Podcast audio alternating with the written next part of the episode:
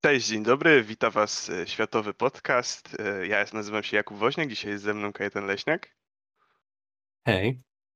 E, Kajetan, dzisiaj jest 16 maja, wczoraj był 15, nie da się ukryć. E, Otworzyły się pierwsze ogródki, można było już wyjść bez maseczki na ulicę. Czy coś robiłeś w ten weekend? Mm, to znaczy wyszedłem wczoraj bez maseczki na ulicę, na spacer z psem. Było to całkiem fajne uczucie, bo teraz dużo rośnie wokół. Akurat mieszkam w takim miejscu, że mam, e, mam dużo drzew, dużo jakichś krzewów, kwiatów e, i bez maseczki bardzo ładnie wszystko pachnie. To, to, to była taka rzecz, która wczoraj mnie dosyć zdziwiła, ale poza tym nie. Poza tym przygotowywałem się do światowego podcastu, ale e, plany mam takie, że jak już nagramy ten odcinek, mam nadzieję wyjdzie nam dobrze, to pójdę świętować do e, jakiejś knajpy i zjem sobie coś na zewnątrz, więc taki mam plan. To idealnie. No właśnie, szykowanie się do światowego podcastu z mojej i jak z twojej strony, jak już powiedziałeś, wyglądało w tym tygodniu dosyć. E, to była dosyć skomplikowana sprawa, ponieważ e, mieliśmy sytuację związaną e, z tym, co się dzieje w Izraelu i, i w Palestynie, czyli e, właśnie fakt, że ten ten spór o, o to, kto ma prawo do tamtych ziemi, niesamowicie się zaostrzy ostatniego czasu. Mm, Zostały użyte siły, po raz pierwszy w sumie od, o- o- o- o- od dawna zostały użyte siły lądowe przez przykład wojska Izraela. Spadły rakiety na strefę gazy, spadły rakiety na Jerozolimę i Tel Awiw. I chcemy powiedzieć jako światowy podcast na samym początku, że e, nie szukamy w tym temacie dzisiaj kontrowersji. Nie zamierzamy e, za bardzo mówić o swoich opiniach dotyczących tego, co się e, tam dzieje, bo wiemy, że też ostatnio właśnie to jest dosyć kontrowersyjny temat, gdzie e, bardzo często, mm, nawet często ludzie nieświadomie wyrażają pewne zdania, które są krzywdzące dla jednej czy bądź drugiej strony. I dlatego my bardziej skupimy się na tym, żeby pokazać dzisiaj Państwu oraz Wam bardziej kalendaryjnie, co się wydarzyło ostatnio, co spowodowało to, że właśnie ostatnio mamy zaostrzenie tego sporu i, i zamierzamy w taki właśnie sposób przedstawić e, ten, tą sytuację.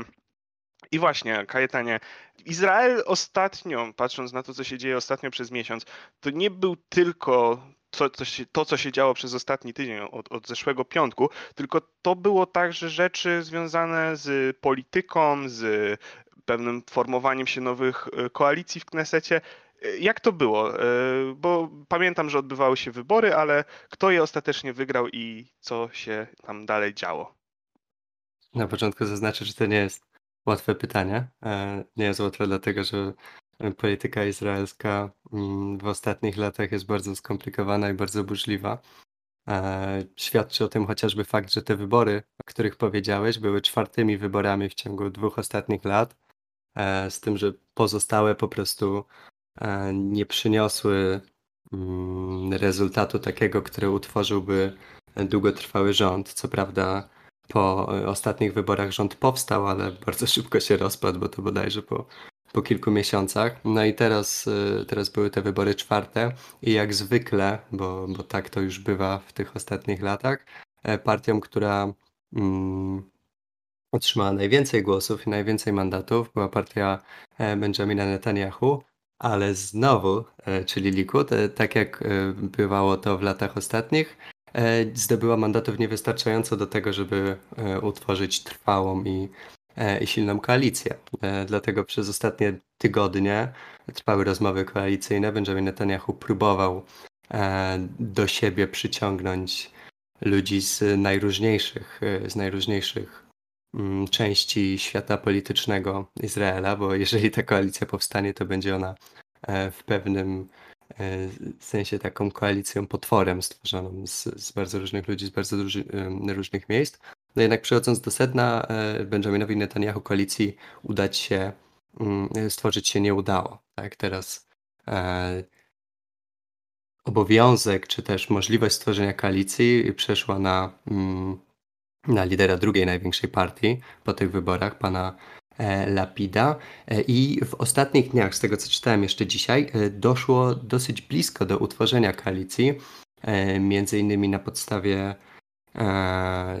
zjednoczenia się, dołączenia do jednej grupy mm, partii nacjonalistycznej, bardziej ultra, mm, ultraprawicowej. No tylko, że dlatego, że wybuchł konflikt, to ta partia już coraz bardziej się zbliża do Benjamina Netanyahu. Mm, więc na, dzień dzisiejszy po prostu powiedzmy, jak wygląda polityka izraelska, wygląda tak, że mm, powinny powstać koalicje, ale nie wiadomo, czy powstaną, mm, ponieważ jest wojna. I raczej, okej, okay, dobra, przepraszam, cofam to. E, wojna to może trochę zbyt, mocne słowo. Na pewno niektórzy w Izraelu e, powiedzą, że wojna jest, bo tam na przykład wewnętrzne takie głosy się e, pojawiały, że to, co dzieje się na ulicach niektórych miast e, izraelsko-arabskich, takich jak na przykład Lot, to jest e, wojna domowa. Na, pewno mamy e, do czynienia z konfliktem zbrojnym, no a konflikt zbrojny być może nie jest najlepszym momentem do e, uprawiania takiej zwykłej polityki, no bo jest jednak, jakby nie patrzeć, momentem kryzysu. Jedna rzecz, o której ja bym chciał powiedzieć, jak już rozmawiamy o, o faktycznej polityce,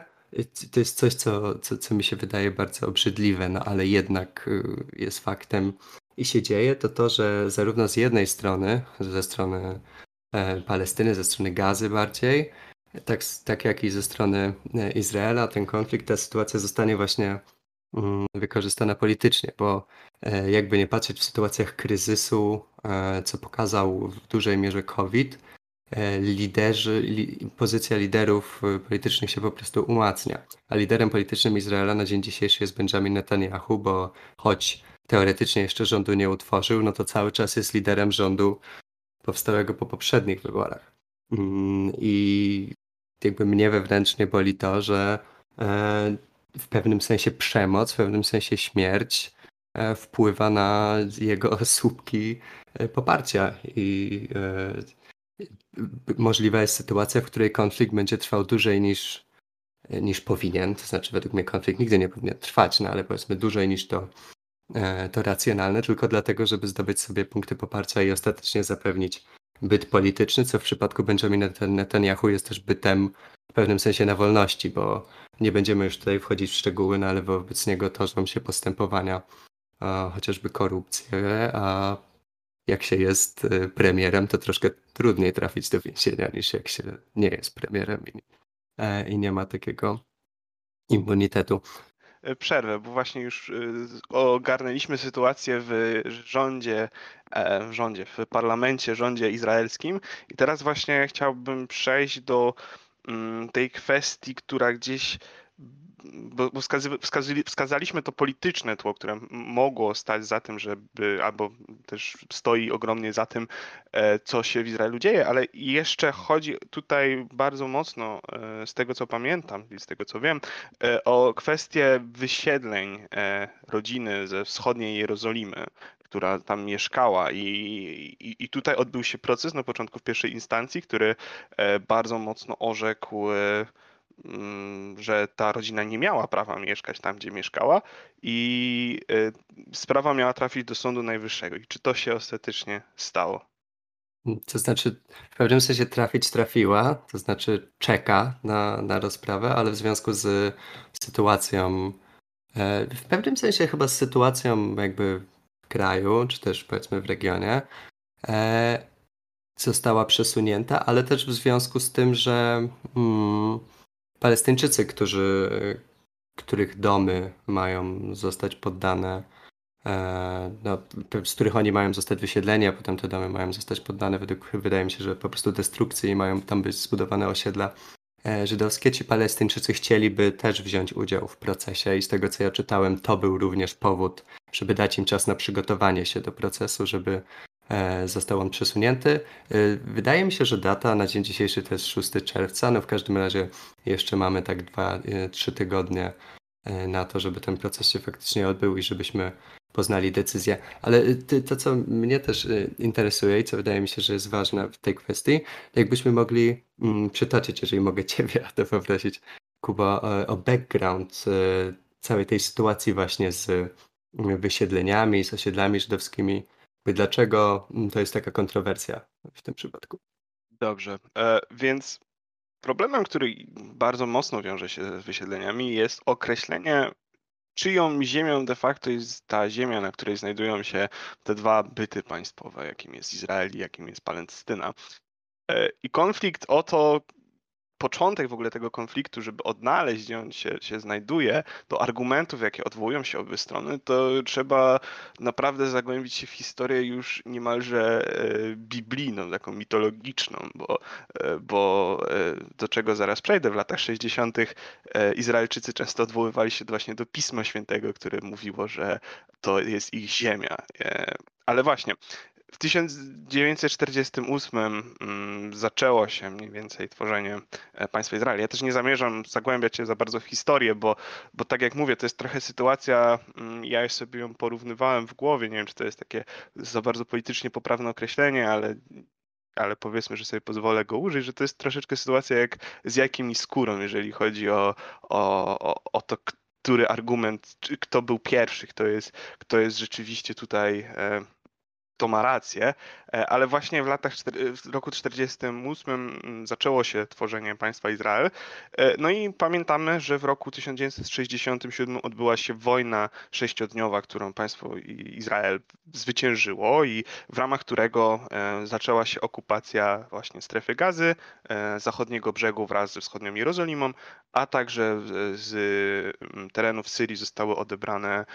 wzgórza Golan, i właśnie tutaj to są strefy mm, politycznie sankcjonujące, są to okupowane strefy, które należą,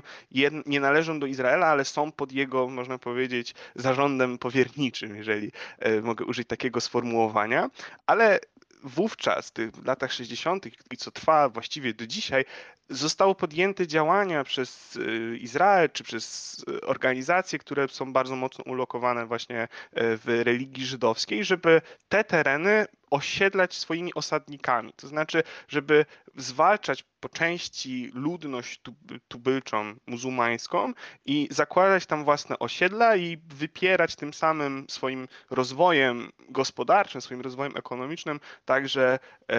wyznających e, islam Palestyńczyków. I tutaj zaczyna być o tyle problem, że właśnie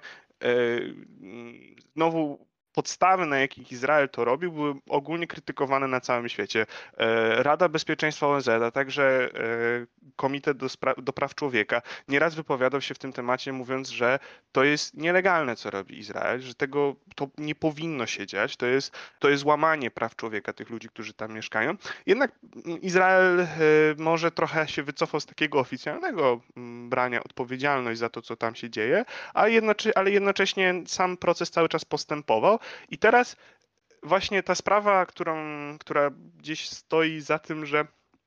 mm, za tym, co się dzisiaj dzieje w Izraelu, polega właśnie na tym, że z dzielnicy mm, wschodniej Jerozolimie, która jest właśnie częścią okupowaną, która jest y, etnicznie, można powiedzieć, muzułmańską, znaczy od,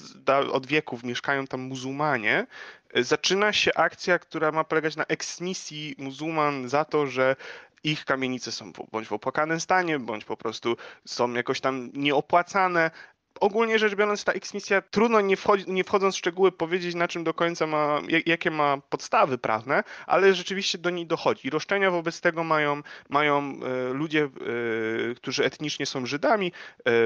i ta sprawa została zgłoszona do sądu, który orzekł, że roszczenia i, i, ludzi pochodzenia żydowskiego mają swoją rację bytu i e, rodzina muzułmańska ma być stamtąd wyeksmitowana. I teraz tak, właśnie ludność muzułmańska mówi wprost, to jest kolejny przykład tej działalności Izraela, który ma ich wygnać stamtąd, a rząd izraelski i w ogóle Izrael mówi, że no wcale nie, to jest po prostu e, normal real estate affair, jak to mówią. Czyli, że po prostu chodzi o to, że, że, że tak się dzieje na całym świecie, jak ktoś nie dobrze wykonuje swoją nieruchomość, czy tam coś takiego, no to po prostu tak się robi. I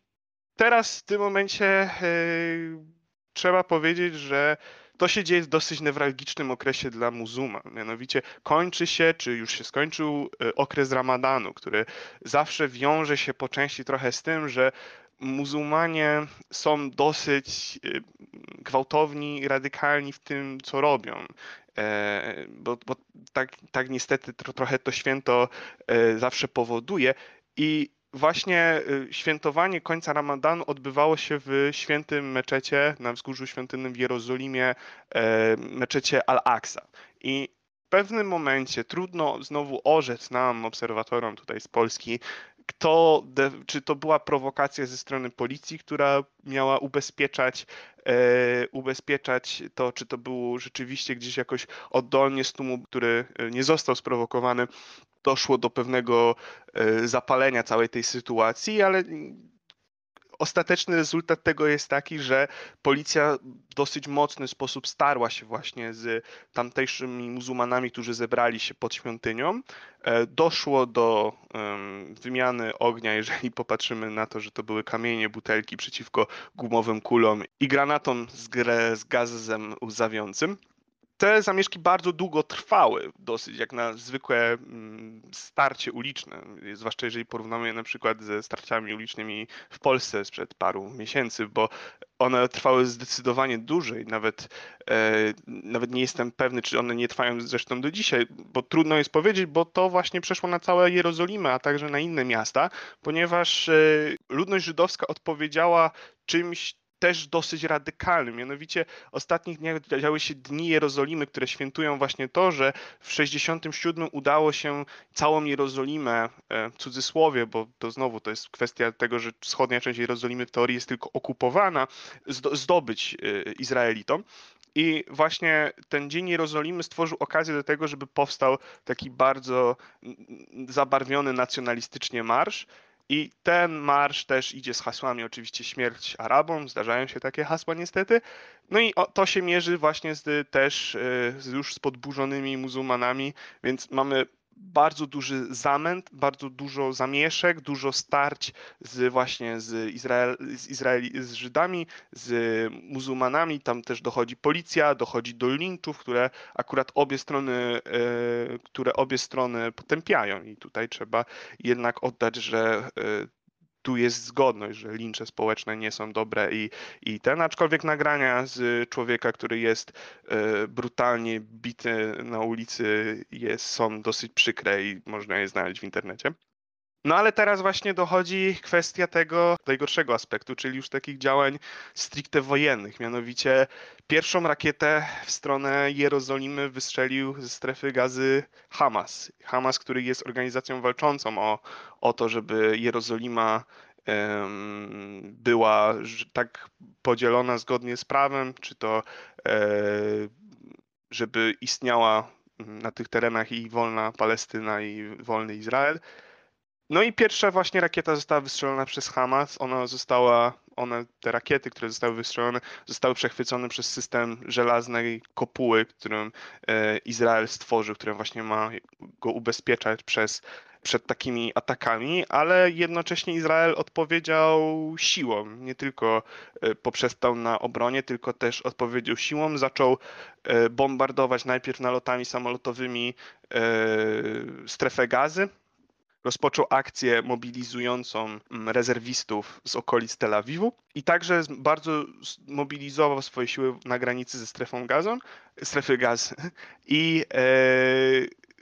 szef wojska izraelskiego rozpuścił plotkę, mówiąc, że są gotowi do inwazji. Są gotowi do inwazji i w pewnym momencie pojawiła się plotka, że właśnie ta inwazja już się zaczyna i to był to było bardzo ciekawe działanie, jeżeli popatrzymy na to, że strefa gazy jest y, miejscem niesamowicie e, podbudowanym tunelami podziemnymi, bo właśnie e, Palestyńczycy tam zamieszkujący z obawy przed atakiem Izraela pobudowali podziemne tunele, które mają ich chronić przed różnymi atakami i tak dalej. I właśnie wówczas, gdy zostało powiedziane, że Izrael zaczyna inwazję, ludzie tam się schowali. Wtedy Izrael przystąpił do największego bombardowania strefy gazy. Do tego użyto po raz pierwszy od dawna nie tylko mm, bombowców, nie tylko e, samolotów, ale użyto także czołgów oraz, e, oraz e, cofając się do XIX-wiecznej nomenklatury artylerii. I to są działania, które nie da się ukryć, że są działaniami już po części wojennymi. I widać, jeżeli patrzymy na tylko strefę gazy, widać, że Izrael bardzo os mocno ostrzeliwuje strefę gazy, mówiąc, że to jest wszystko wina Hamasu, ponieważ ukrywają się wśród cywili i traktują ich jako tarcze. To wiadomo, tak samo mówili, mówiły na przykład Stany Zjednoczone w przypadku wojen, czy to w Afganistanie, czy w Iraku, że właśnie najgorsi działacze, najgorsi tam kacykowie, oni korzystają z ludzi jako tarcz i tylko znowu tu jest duży problem, bo yy, dzisiaj, czy, czy nam wczoraj, przepraszam najmocniej, wczoraj został zbombardowany budynek, w którym mieściły się siedziby w strefie gazy AP, czyli Associated Press oraz Al Jazeera i zginęło w ramach tego bombardowania tylko tego budynku 10 osób. E, oczywiście Al Jazeera i Associated Press przestały takiej działalności w strefie gazy i relacjonować, tego, relacjonować to na bieżąco. Izrael mówił, że tam byli pochowani e, członkowie właśnie e, tej organizacji terrorystycznej, które tak nazywają, gdzie tutaj możemy się spierać, czy to jest rzeczywiście organizacja terrorystyczna, czy nie. Ale sami ludzie, którzy tam mieszkali, mieszkali, żyli, czyli właśnie ludzie z Al Jazeera, mówią wprost, nikogo takiego tam nie było, nigdy, nawet nie spotkali, nikt tam nie siedział, który wykonywali takie obowiązki, a zginęło 10 osób. Ogólnie rzecz biorąc, to już na dzień dzisiejszy, 16 maja, 147 ofiar zginęło po stronie Palestyny. To znaczy 147 Palestyńczyków, w tym e, prawie 40, 40 e, dzieci zginęło po stronie Palestyny, a tylko na przykład 10 w Izraelu, bo jednak ten ostrzał ze strony Hamasu jest o wiele e, mniej ostry. Na dzień dzisiejszy, na chwilę obecną, stan wygląda w ten sposób. Sytuacja jest dosyć rozwojowa, dynamiczna. Mogą się jeszcze zmieniać niektóre rzeczy. Możemy być świadkami wojny domowej, czy to trudno nawet mówić o wojnie domowej, tylko to będzie po prostu wojna. Trudno jest oceniać dzisiaj. My przedstawiamy to, co się wydarzyło obecnie, a teraz chciałem porozmawiać z Tobą, Kajetanie, o tym, jak świat ocenia e, konflikt na Bliskim Wschodzie, bo słyszałem na przykład, że jest to powód powolnego rozłamu pewnej największej partii na świecie. To tak, to znowu jest to dosyć trudne i, e, i złożone pytanie. Mm, ale takim fajnym punktem zaczepnym w kwestii reakcji międzynarodowej jest to, o czym przed chwilą powiedziałeś, czyli e, atak na budynek, w którym mieściły się siedziby mediów, y, właśnie Associated Press i, i Al Jazeera, y, bo to wydarzenie, mm, z tego przynajmniej jak ja mm, śledziłem wiadomości wokół niego, e, było przyjęte bardzo jednoznacznie. To znaczy, kto by praktycznie nie komentował, nieważne z jakiego miejsca na świecie, no to było y, uznane to jednogłośnie za, za działanie niewłaściwe. Oczywiście, tak jak powiedziałeś, siły zbrojne Izraela mm, twierdzą, usprawiedliwiają ten e, atak rzekomym faktem przebywania tam sił czy, czy jakichś środków Hamasu w tym budynku. No jednak fakt jest taki, że, że to była siedziba mediów i że ten budynek już no, nie istnieje, bo to nie jest tak, że on, nie wiem, został zbombardowany i została zniszczony, nie wiem, newsroom AP News, tylko budynek po prostu został zrównany z ziemią. E, I tutaj zarówno, no nie wiem, prezydent Stanów Zjednoczonych Joe Biden e, stwierdził, że no tak być nie może. Mm, najróżniejsi ci liderzy światowi, którzy się wypowiadali, czy też y, solidarnie z, z AP News, inne media światowe wprost e, mówiły, że no tak być nie powinno, tak, okej, okay powiedzmy sytuacja zbrojna sytuacją zbrojną, walki walkami, no ale jednak media są po to, żeby też w pewnym sensie kontrolować to, co się dzieje na miejscu i, i zapewniać y, to, że mm, strony wojujące nie będą przesadzać, bo ktoś może to nagrać, ktoś może to puścić w świat i y, jest to jednak pewien y, hamulec. A mm, pisząc o tym, AP News czy, czy Al Jazeera, no, czyli strony no jednak pokrzywdzone, no wprost y, odnosiły się właśnie do tego aspektu, że teraz troszkę zmniejszyły się ich możliwości operacyjne y, na terytorium gazy, czyli będziemy wiedzieć mniej niż, y, niż wiedzielibyśmy, wiedzielibyśmy wcześniej. E, ale przechodząc już do takiej e, międzynarodowej reakcji, e, to rzeczą, o którą ty wspomniałeś, a mianowicie o, no może o rozpadzie, to, to za dużo powiedziane, ale ewidentnie jest pęknięcie w takiej proizraelskiej skorupie e, Partii Demokratycznej. To znaczy, jeżeli myślimy o polityce zagranicznej Stanów Zjednoczonych, to mm, albo w ogóle, jeżeli myślimy o polityce Stanów Zjednoczonych, to niewiele jest na dzień dzisiejszy kwestii, w których obie strony e, politycznego spektrum zgadzają się ze sobą w miarę e, zawsze. Czyli teraz mówimy o republikanach i demokratach i ich podejściu do Izraela. Oczywiście to wsparcie nie jest jakby jednoznaczne i jednolite, no ale jednak u podstaw praktycznie każdego polityka amerykańskiego, jak się zapyta go, czy wspiera on Izrael, czy ona wspiera Izrael, to wszyscy powiedzą tak, oczywiście wspieramy Izrael, Izrael to jest nasz najważniejszy partner. I tak było mm, jeszcze do niedawna i tak jest tak na dobrą sprawę cały czas, ale w związku z e, wzrostem na sile mm, liczebnej, ale też popularności e, strony powiedzmy bardziej lewicowej Partii Demokratycznej, e, pojawiły się teraz e, przy okazji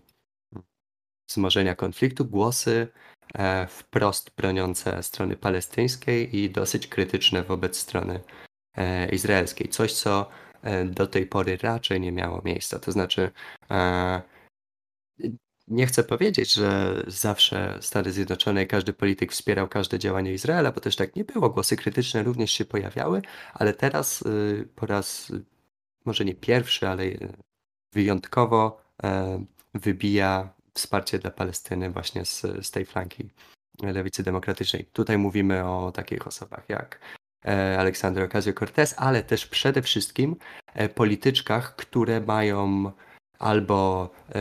etniczny background arabski, takich jak Ilhan Omar, która jest Somalijką, czy Rashida Tlaib, która jest demokratką z Detroit, która jest po prostu Palestynką, tak? Więc to jeżeli ktoś z Was słuchających śledził media amerykańskie ostatnio, to na pewno natknęliście się na jej wystąpienie w kongresie, takie bardzo E, emocjonalne, kiedy ona e, mówi o sytuacji w Palestynie i też czyta słowa palestyńskiej matki e, kładzącej dzie dzieci spać, nie wiedzącej, czy się rano obudzi itd., tak itd. Tak Więc wyjątkowością sytuacji dzisiaj w Stanach Zjednoczonych jest to, że jest bardzo dużo głosów prepalestyńskich i partia demokratyczna, mimo cały czas wsparcia otwartego dla Izraela, nie ma takiego powiedzmy jednolitego mm, zdania na ten temat. Czyli raczej nie możemy oczekiwać, że E, partia jako cała wyda oświadczenie mówiące, wiem, stoimy za Izraelem i tak, czy, e, czy coś podobnego. Ale w ogóle, jak już mówimy o Stanach Zjednoczonych, mm, to warto powiedzieć o Joe Bidenie i tym, jak on reaguje na tą sytuację, no bo jednak, jakby nie patrzeć, jest e, dość ważnym politykiem na scenie międzynarodowej. I w ostatnich dniach, chyba nawet wczoraj, Joe Biden rozmawiał z liderami, i tu znowu warto zaznaczyć obu stron, bo rozmawiał z, z Netanyahu telefonicznie, e, ale rozmawiał też z Mahmudem Abbasem, czyli e, prezydentem autonomii palestyńskiej. Z tym, że tutaj kruczek jest taki, że Abbas może jest, prezydentem autonomii, ale on e, sprawuje kontrolę de facto nad zachodnim brzegiem, ponieważ strefa gazy jest kontrolowana przez Hamas, który jest siłą politycznie przeciwną do, do siły Abbasa, czyli czyli Fatahu. E, I jak cofniemy się kilkanaście lat wstecz do roku bodajże 2006 albo 2007, to te dwa ugrupowania walczyły ze sobą zbrojnie w strefie gazy o to, kto mm, będzie kontrolował to terytorium. E, czyli de facto e, Joe Biden, omawiając konflikt izraelsko-palestyński, kontaktował się z liderem Y, palestyńskim, który nie za bardzo ma wpływ na to, co dzieje się w strefie gazy i po prostu to nie on podpisuje rozkazy z strzeliwaniem rakiet w stronę Izraela, bo nie ma nad tym żadnej kontroli. To wszystko robi Hamas, którym Stany Zjednoczone nie rozmawiają, dlatego że uznają go za organizację terrorystyczną. Dlatego e, we wszelkich takich, jeżeli myślimy o wszelkich takich działaniach właśnie na arenie międzynarodowej, no to musimy jednak mieć wzgląd na to, że e, bardzo dużo krajów na świecie uznaje Hamas za terrorystów i po prostu z nimi rozmawiać nie będzie. Co może i na pewno też będzie bardzo utrudniało rozwiązanie jakiegokolwiek konfliktu, tak? Ale powiedzmy, e, przechodząc e, dalej na naszej mapie świata, ciekawe rzeczy, e, które mi się rzuciły w oczy, to może Wam też, na przykład flaga izraelska na Ministerstwie Spraw Zagranicznych Austrii w Wiedniu, albo też na budynku, w którym rezyduje kanclerz. Nie wiem, jak się ten budynek nazywa, przepraszam, ale w każdym razie na pewno widzieliście albo możecie zobaczyć zdjęcia mm, właśnie budynków w Wiedniu, flaga Austrii, flaga Unii Europejskiej, flaga Izraela. I jest to jakby nieprzypadkowe, że ta flaga Izraela się tam pojawiała, bo e, rząd y, mm, w Wiedniu e, bardzo jednoznacznie poparł właśnie działania izraelskie e, i powiedział, że zawsze stoi za Izraelem i po tej stronie, w tym w przypadku tego konfliktu nie ma żadnych wątpliwości, po której stronie stoi. Problem, jaki się z tego wywiązał, jest taki, że w Wiedniu dzieją się teraz rozmowy między Stanami Zjednoczonymi i Mm, członkami e, tak zwanego Iran Nuclear Deal, a właśnie stroną irańską o to, żeby e, Stany Zjednoczone wróciły do tego dealu albo żeby doszło do jakiejś jego renegocjacji. E, no i w najbliższych dniach e, minister spraw zagranicznych Iranu wybierał się do Wiednia, żeby właśnie pewne kwestie w związku z tymi negocjacjami omawiać. No ale ponieważ E, Iran z, Izrael, Iran z Izraelem się bardzo nie lubią, a, a, minister ma social media i zobaczył zdjęcia flagi Izraela w Wiedniu, no to bardzo się zdenerwował i powiedział, że on do Wiednia nie przyjedzie. Więc tutaj mamy taką dosyć, nie wiem, zabawną, paradoksalną sytuację, w której e, no wydaje się, że taki dosyć symboliczny e, gest ze strony osób wspierających Izrael pewnie bardzo miły i, i, jednak ważny, no ale wpływa na rzeczy zupełnie z tym niezwiązane, a też dosyć ważne w kontekście bezpieczeństwa takiego międzynarodowego i też polityki zagranicznej e, mocarstw. W ogóle w, w, tym regionie mm, świata, powiedzmy w naszym regionie europejskim, pojawiło się więcej głosów wspierających Izrael, bo ja też się natknąłem na Twitterze na post ministra spraw zagranicznych Czech, który e, określał, który wyrażał mm, swoje, mm, swoją aprobatę e, dla tego, co się dzieje. Znaczy, okej, okay, może nie aprobatę, ale wsparcie dla działań e, Izraela. I też ogłosił, że jego kraj wspiera i też nie ma wątpliwości, kto ma rację po tej stronie konfliktu. Ostatnią taką rzeczą, którą warto omówić w kwestii reakcji świata jest reakcja obywateli świata, to znaczy ludzi, którzy ten świat zamieszkują i którzy e, w dosyć chyba licznych grupach wyszli na ulicę wczoraj. Nagrywam ten podcast w niedzielę, więc wczoraj to jest sobota, być może dzisiaj też wyjdą. No w każdym razie dosyć spore marsze miały miejsce w Berlinie, mm, w Londynie. W Paryżu marsz miał miejsce, ale e, był nielegalny, no, ponieważ e, rząd nie dopuścił do niego więc został dosyć szybko stłumiony i, i rozproszony, ale ludzie wyszli na ulicę. Inne miejsca w Europie to na przykład Madryt, no a poza Europą to, to w Bagdad na przykład, y, w Dosze, w Katarze były protesty w, w Jordanii, w Libanie. W kwestii samych protestów ja miałem takie jedno przemyślenie, to znaczy z jednej strony wiadomo dla osób wspierających Palestynę to jest super, że że ludzie wychodzą, protestują i, i czują jakby taką potrzebę wyrażenia swojej opinii i aktywizmu, y, ale widziałem też dużo obrazków i oczywiście widziałem je w social media, więc to był bardzo selektywny dobór tych obrazków, no ale na przykład palenia flag izraelskich, rwania flag e, izraelskich, skakania po tych flagach i tak dalej. No i to są rzeczy, no, które nie mogą mieć miejsca w takich momentach, tak? Jakby co innego jest wyjść z flagą Palestyny i krzyczeć, nie wiem, Free Palestine, a co innego jest wyjść z flagą Palestyny i przy okazji podrzeć flagę Izraela i krzyczeć F Jews, tak? No, trochę to jest, y, wydaje mi się, że to ja teraz nie próbuję być jakiś, nie wiem, wyjątkowo poprawny, tylko to jest trochę obrzydliwe, biorąc pod uwagę kontekst historyczny, jakby miejsca, w którym się znajdujemy. I e, na przykład w Berlinie reakcja rządu była dosyć e, stanowcza i od, od, razu jakby poszedł komunikat e, od strony władzy, że takie, takie rzeczy są niedopuszczalne w Niemczech i nie mogą się dziać. Więc, e, wydaje mi się, że nawet jeżeli, nie wiem, taki mój apel, jeżeli ktoś z Was chce wyjść na ulicę, to może no, flagę Izraela, jak macie, to zostawcie w domu i, i niech, niech sobie wisi na waszej ścianie, bo jest ładna i, i może nie musimy jej jej niszczyć. Ale wiem, że ty wracając do reakcji, chciałeś jeszcze powiedzieć mm, parę słów odnośnie reakcji mm, krajów sąsiednich do, do Izraela i też do, do terytoriów okupowanych i tego, co się działo chyba na granicy libańsko-izraelskiej, prawda? Tak, y, na szybko mogę po prostu dodać, e, co się działo, bo, bo, bo tak jak rzeczywiście powiedziałeś, reakcja świata dosyć mocno przede wszystkim solidaryzuje się z Palestyną, zwłaszcza jeżeli popatrzymy troszeczkę na tą naszą przysłowiową banieczkę. E, ale tak, na granicy libańsko-izraelskiej odbył się protest po stronie Izraela, odbył, e, po stronie Libanu, odbył się niejaka manifestacja, protest ludności tamtejszej e, właśnie, która miała wyrazić swoje wsparcie dotyczące tego, że popierają jednak w tym wszystkim prawa e, Palestyńczyków. Mm, no i w trakcie tej manifestacji, tego protestu e, wystrzelono jedną mm, rakietę, użyto trochę siły w stronę mm, protestujących i zginęła jedna osoba. Wiem także, że państwa Ligi Arabskie oczywiście stoją od razu potępiły działania, działania Izraela. Można było się tego spodziewać, patrząc na e, tamtejszą temperaturę polityczną. E, duże protesty działy się także w e,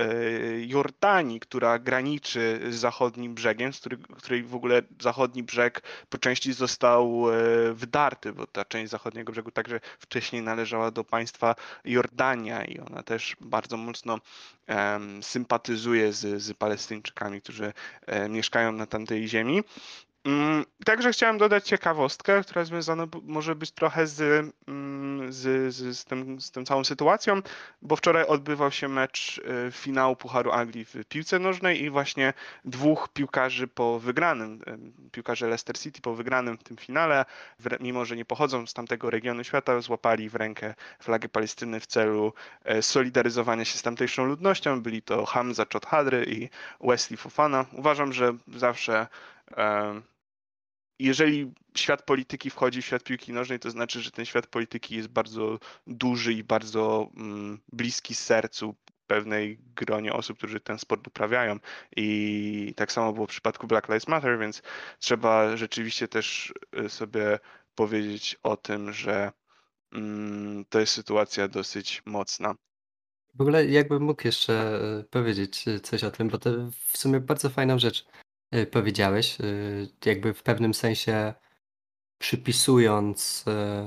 y, do tego, co się teraz dzieje w Palestynie, kwestię ruchu Black Lives Matter, bo mm, właśnie jak czytałem chociażby o sytuacji w Partii Demokratycznej, którą przytoczyłem przed chwilą, to w analizie tam właśnie również pojawiała się ta kwestia. To znaczy, że bardzo dużo osób teraz mm, wychodzi na ulicę wspierając Palestyńczyków, tak samo jak kilka miesięcy temu albo kilka tygodni temu wychodzili na ulicę wspierając e, Black Lives Matter. Więc jeżeli ktoś się zastanawia na przykład dlaczego e, Palestyńczycy mają tyle wsparcia, chociażby nie wiem, w Europie, dlaczego ludzie w Londynie wychodzą e, na ulicę, dlaczego ludzie wychodzą na ulicę w innych miastach, dlaczego amerykańskie polityczki i politycy się wypowiadają na ten temat, no to właśnie dlatego, że oni widzą ten problem w kontekście sprawiedliwości rasowej, w kontekście nie wiem, sprawiedliwości etnicznej, spraw równości e, itd., tak itd. Tak Dlatego e, wydaje mi się, że jeżeli zastanawiamy się dlaczego, i przynajmniej tak jak ja to widzę, dlaczego dwóch piłkarzy e, brytyjskiego klubu ma na boisku po wygraniu Pucharu flagę Palestyny, to wydaje mi się, że dlatego, że niedługo wcześniej, niewiele wcześniej angażowali się bardzo w ruch, w ruch Black Lives Matter, który wydaje mi się, że w meczach wszystkich ligi brytyjskiej na trybunach e, widnieją napisy Black Lives Matter, ponieważ bardzo duża e, liczba piłkarzy grających w tej lidze to są osoby czarnoskóre i też dużo jednak jest rasizmu wokół tego, co się dzieje w tej lidze na social media, no to ci ludzie są no, wyczuleni na te tematy, dlatego też widzą sytuację w Palestynie właśnie w kontekście sprawiedliwości E, być może nie rasowej, bo trochę mi się kłóci e, e, patrzenie na konflikt izraelsko-palestyński w kontekście rasy, no ale powiedzmy etniczności, dyskryminacji ze względu na wyznanie, e, pochodzenie etniczne, kolor skóry. Mniejszościowości, tak po prostu, jeżeli popatrzymy na to. To może bardziej w ten sposób, że po prostu e, gdzieś czują się zobligowane takie osoby do tego, żeby chronić prawa ludzi uciskanych, prawa e, mniejszości. E, Dobrze, Kajetanie. Ja myślę, że na tym, ty patrząc na nasz zegarek, e, możemy na tym etapie skończyć. Chcieliśmy jeszcze porozmawiać e, o tym, co się wydarzyło ostatnio w Partii Republikańskiej w Stanach Zjednoczonych, ale myślę, że o tym jeszcze będziemy mieli szansę Państwa informować, czy Państwa, Was, drodzy słuchacze. E, oczywiście jeszcze był bardzo ważny temat, który w ostatnim tygodniu się pojawił, dotyczącym przeniesienia figur woskowych e, Harego, księcia Harego i Meghan Markle do innej sali w Londynie, ale e, myślę, że takich wspaniałych tematów e, musimy założyć inny podcast, może nazwiemy go na przykład Woskowy Podcast, a tymczasem my, jako ten podcast światowy, bardzo Wam dziękujemy za dzisiejsze wysłuchanie. E, Chcielibyśmy, mamy taki mały apel na koniec, żebyście mm, też sami troszeczkę pogłębili swoją wiedzę dotyczącą tego, co się dzieje obecnie na Bliskim Wschodzie, bo e, rzeczywiście, jeżeli e, trudno się w pewnym momencie ograniczyć, jeżeli chodzi o robienie researchu, bo właśnie bardzo mocno trzeba w pewnym momencie cofać się do historii i tak dalej. E, My chcieliśmy przedstawić to bardziej pigułkowo, bardziej kalendarycznie, powiedzieć wam, co się dzieje, e, ale jeżeli chcecie wyrobić sobie jakąś taką naprawdę dobrą opinię, to odsyłamy do zapoznania się z artykułami prasowymi, wypowiedziami ekspertów. E, I jeszcze e, na koniec chciałem powiedzieć, że został założony Instagram Światowego Podcastu, na którym będzie się działo niedługo, y, niedługo będzie się działo, będą się działy bardzo ciekawe rzeczy, dlatego Was serdecznie zapraszamy do obserwowania naszego Instagrama, tak samo jak zapraszamy Was cały czas do obserwowania naszego Facebooka, gdzie e, zawsze publikujemy e, linki do naszych odcinków. No i też możecie obserwować nas na Spotify i, i śledzić naszą działalność inną w sieci, tak samo jak koła naukowego, w ramach którego działamy. E, Ja nazywałem się Jakub Woźniak, ze mną był Kajetan Leśniak. Tak, byłem e, i również Wam e, wszystkim dziękuję. Chciałem się tylko dołączyć do Twoich słów, Kuba, a propos mm, edukowania się, dlatego że ja sam jakby poczułem, przygotowując się do podcastu, jaka jest różnica w przedstawieniu tego tematu właśnie w momencie, w którym chcemy komuś przekazać wiedzę w formie podcastu, a kiedy po prostu chciałbym, nie wiem, porozmawiać z kimś, czy pokłócić się z kimś na, e, na ten temat takiej bardziej publicznej przestrzeni, czy, czy z, z jakimś znajomym. E, Jakby bardzo to było dla mnie uczące doświadczenie, więc e, fajnie w taki sposób do tego podejść i się o czymś czego, te, czegoś dowiedzieć, bo tak jak powiedziałeś na początku, każdy z nas ma powiedzmy stro, swoją stronę w tym konflikcie. Wydaje mi się, że to jest na tyle charakterystyczny konflikt i tak są zarysowane linie, linie podziału, że jest mało osób, które mówią, że a ja jestem nie wiem, neutralny, neutralna albo pośrodku. No, ale nawet jak się jest po jednej ze stron, to warto, warto się wczytać głębiej, bo to jest niesamowita kompleksowość i w momencie, w którym e, nie weźmiemy e, poprawki na tę kompleksowość, to po prostu, tak, tak też już powiedziałeś, e, dzisiaj możemy powiedzieć coś, co jest bardzo krzywdzące dla jednej ze stron i po prostu wyjdziemy na ignorantów, więc albo jak nie chcemy krzywdzić innych, albo nie chcemy być ignorantami, to, to, to warto się doedukować na ten temat. Dzięki za, za słuchanie. Mam nadzieję, że żaden z nas nie wyszedł na, na ignoranta w żadnym momencie tego podcastu, ale e, słuchałem uważnie i wydaje mi się, że, że wcale do tego nie doszło, więc dzięki i do, do następnego. Pięknym apelem się żegnamy. Dobranoc, do widzenia, do usłyszenia.